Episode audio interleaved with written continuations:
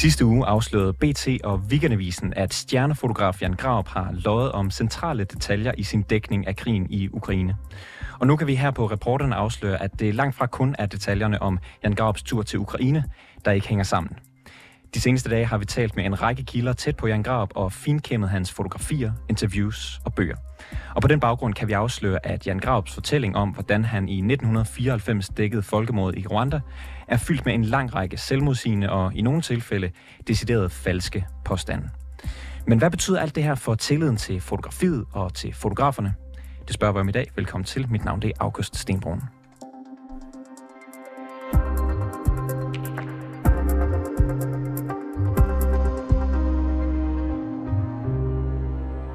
Man siger, at et billede øh, siger mere end tusind ord, men taler de tusind ord nødvendigvis sandt? Øh, hvis det er taget i en grab, så er det ikke så sikkert. Øh, så hvilke konsekvenser kommer det til at have for pressefotografiets fremtid, og hvordan vil det påvirke fotojournalisters troværdighed? Emil Ryge, det har jeg inviteret dig i studiet til at snakke lidt om. Velkommen til. Tak skal du have. Du er underviser og fotojournalist på øh, Københavns Film- og Fotohøjskole, og du har hørt vores afsløringer om Jan Grabs arbejde i Rwanda. Hvor alvorlige er de her fejl? Jamen, de er alvorlige. Altså, det øh, går jo ind og piller ved noget af det, som øh, er den eneste ting, vi efterhånden har tilbage i posen, øh, som både journalister og fotografer, og det er vores øh, troværdighed. Hvis vi ikke har den, så har vi faktisk ikke rigtig øh, så meget tilbage, og så har billederne heller ikke rigtig nogen værdi, så det er meget alvorligt. Er der noget, du hæfter dig specielt i, i, i det, du lige har hørt? Nu fik jeg ikke lige hørt det hele. Jeg har hørt lidt af det i, øh, på vej herind i studiet. Øh, men man kan sige, at det er en skala, hvor øh, øh, små fejl, som jeg også tror, Rob kan han i tale sætter her, man husker noget forkert, øh, et navn, et sted, måske var det dagen før. Jeg kan selv have svært ved at huske, om jeg var i Djurs Sommerland i min sommerferie, om det var torsdag eller fredag. Øh, det kan man måske på en eller anden måde undskylde, især når man ligger i en skyttegrav et eller andet sted i Ukraine. Men, men, men i den anden ende af skalaen er decideret øh, løgne eller iscenesættelser eller ting, som i afdækker her, så vidt jeg kan forstå, der slet ikke kan lade sig gøre. Man siger, at man var et sted, man ikke var på et, øh, et givet tidspunkt, og det er problematisk. Du øh, er selv presfotograf, og Jan Grauber er et af de største navne, vi har herhjemme. Du har fulgt, øh, ligesom mange andre, hans arbejde gennem årene. Ja. Kommer det her bag på dig? Øh, omfanget af det kommer nok bag på mig. Øh, det gør det.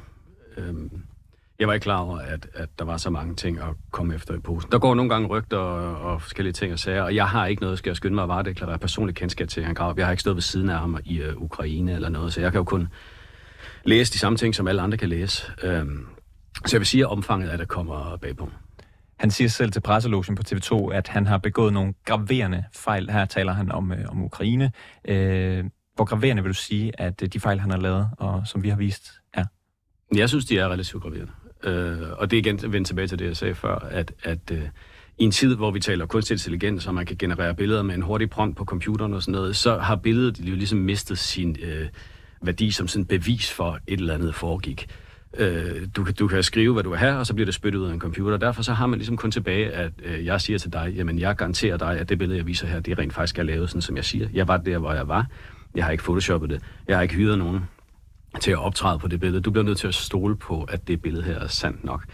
Øh, og hvis vi begynder at gå ind og skrue på den fortælling og den grad af tillid, så mister vi ikke bare tillid til Jan Grabs arbejde. Det kan man sige, det er i sig selv øh, træls for Jan Grab, og det er måske også træls for politikken og nogle internationale medier.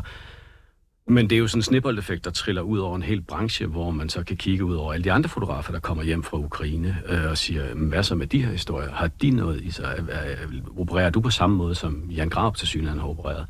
Så det interessante for mig, det er øh, selvfølgelig, hvad der er sket med Jan Grab, jo, men i virkeligheden mere de afsmittende effekter, som det potentielt kan gå hen og få på en hel branche. Ikke? Og hvilke øh, afsmittende effekter? Kunne det, jamen det kan jo være, jamen der er jo mange ting i spil, og nu har jeg ikke hørt hele udsendelsen her, men dels blev der jo indledningsvis i den her hele historie snak om, at han var med til at fyre nogle granater af og nogle ting.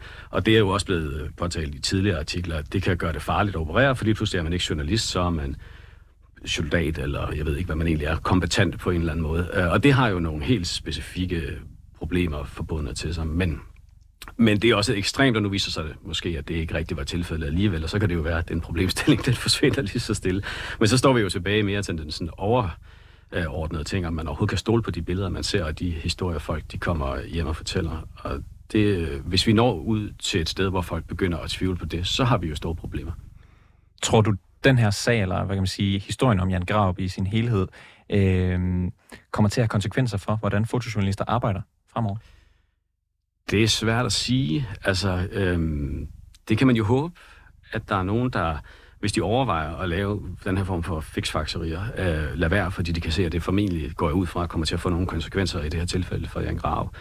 Øh, der bliver allerede undervist i de her ting, øh, så, så det er jo ikke sådan, at nu skal vi alle sammen tilbage til vores respektive fotoskoler og sige til folk, at de ikke må iscenesætte ting, eller manipulere, eller eller være kreativ med fakta, det gør vi jo allerede, så på den måde er det jo bare et eksempel, man kan fremhæve, hvor man siger, prøv at se her, hvad der er sket her, det gik rigtig dårligt for Jan Graup. Øh, skal vi ikke lade være med det kollektivt? Jeg kan huske, da jeg selv øh, gik på journalisterskolen, der blev der hævet det her... Øh, øh, den her historie frem om, øh, om Nybro, der øh, under Irakkrigen ja. lavede øh, en, en, nogle, nogle historier, som simpelthen ikke øh, holdt øh, fuldkommen vand. At det her, de historier, der har været med Jan Graup de seneste dage, noget, som du vil kunne finde på at fremhæve i din undervisning? Ja, selvfølgelig. Det her det er det perfekte eksempel øh, på, hvordan det kan gå galt. Så det, det, det er et stjerneeksempel på, at man, man rejser ud og, og påråber sig at fortælle noget om verden, som den ser ud, så viser det sig, at sådan så verden måske faktisk ikke ud i virkeligheden. Det er okay. fuldstændig det samme som med Nybro her. Kan du forklare mig, hvorfor det er så vigtigt, når fotografer de øh, rejser ud alene i udlandet, at de er så præcise med de informationer, de så bringer i øh, medierne? Jamen, det er jo vigtigt i al journalistik, kan man sige. Og det er jo sådan set ikke anderledes, som det er skrevet journalistik eller tv-journalistik. Man læser jo, går jeg ud fra en avis, fordi man bliver nødt til at tro på de ting, eller man har lyst til at tro på de ting, der står i den. Og hvis man mister tilliden til, at det er objektiv journalistik, så er der ikke nogen grund til at holde den øh, øh, avis, eller se den tv-avis mere. Så det er jo sådan en helt grundlæggende øh, præmis for den måde, vi arbejder på. Kan Jan Graup komme og undervise som gæstunderviser hos jer? Uh, det har han ikke været. Måske har han været det for mange år siden, jeg kan faktisk ikke huske det, men uh, nej, det tror jeg er svært. Så skal det være for at fortælle om, hvorfor han gjorde de her ting. det tror jeg ikke, han Altså en form for bodsgang øh, nærmere en, en masterclass. En, en mere analyse ud i uh, moralske dilemmaer. Nej, det har jeg svært ved at forestille mig. Er der, er der noget som helst, altså, øh, hvad kan man sige, når, det er jo et vilkår i journalistik, at øh, man bliver nødt til at lave en vinkel, man bliver nødt til at afgrænse. Er der nogen som helst undskyldning for, hvad kan man sige, de detaljer, som er misset, de unøjagtigheder, der har været, som, øh, der har, som vi har set øh, hos Jan Grab de seneste dage?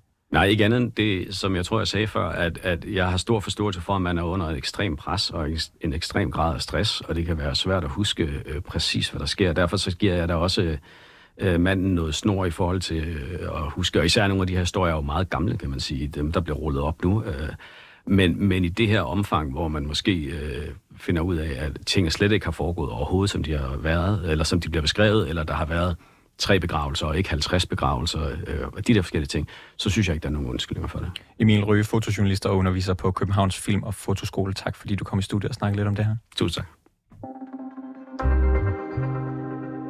Det var alt for reporterne i denne omgang. Tak fordi du lyttede med. Bag historien her var Molly Finger. Mille Ørsted er redaktør, og mit navn det er August Stenvogn.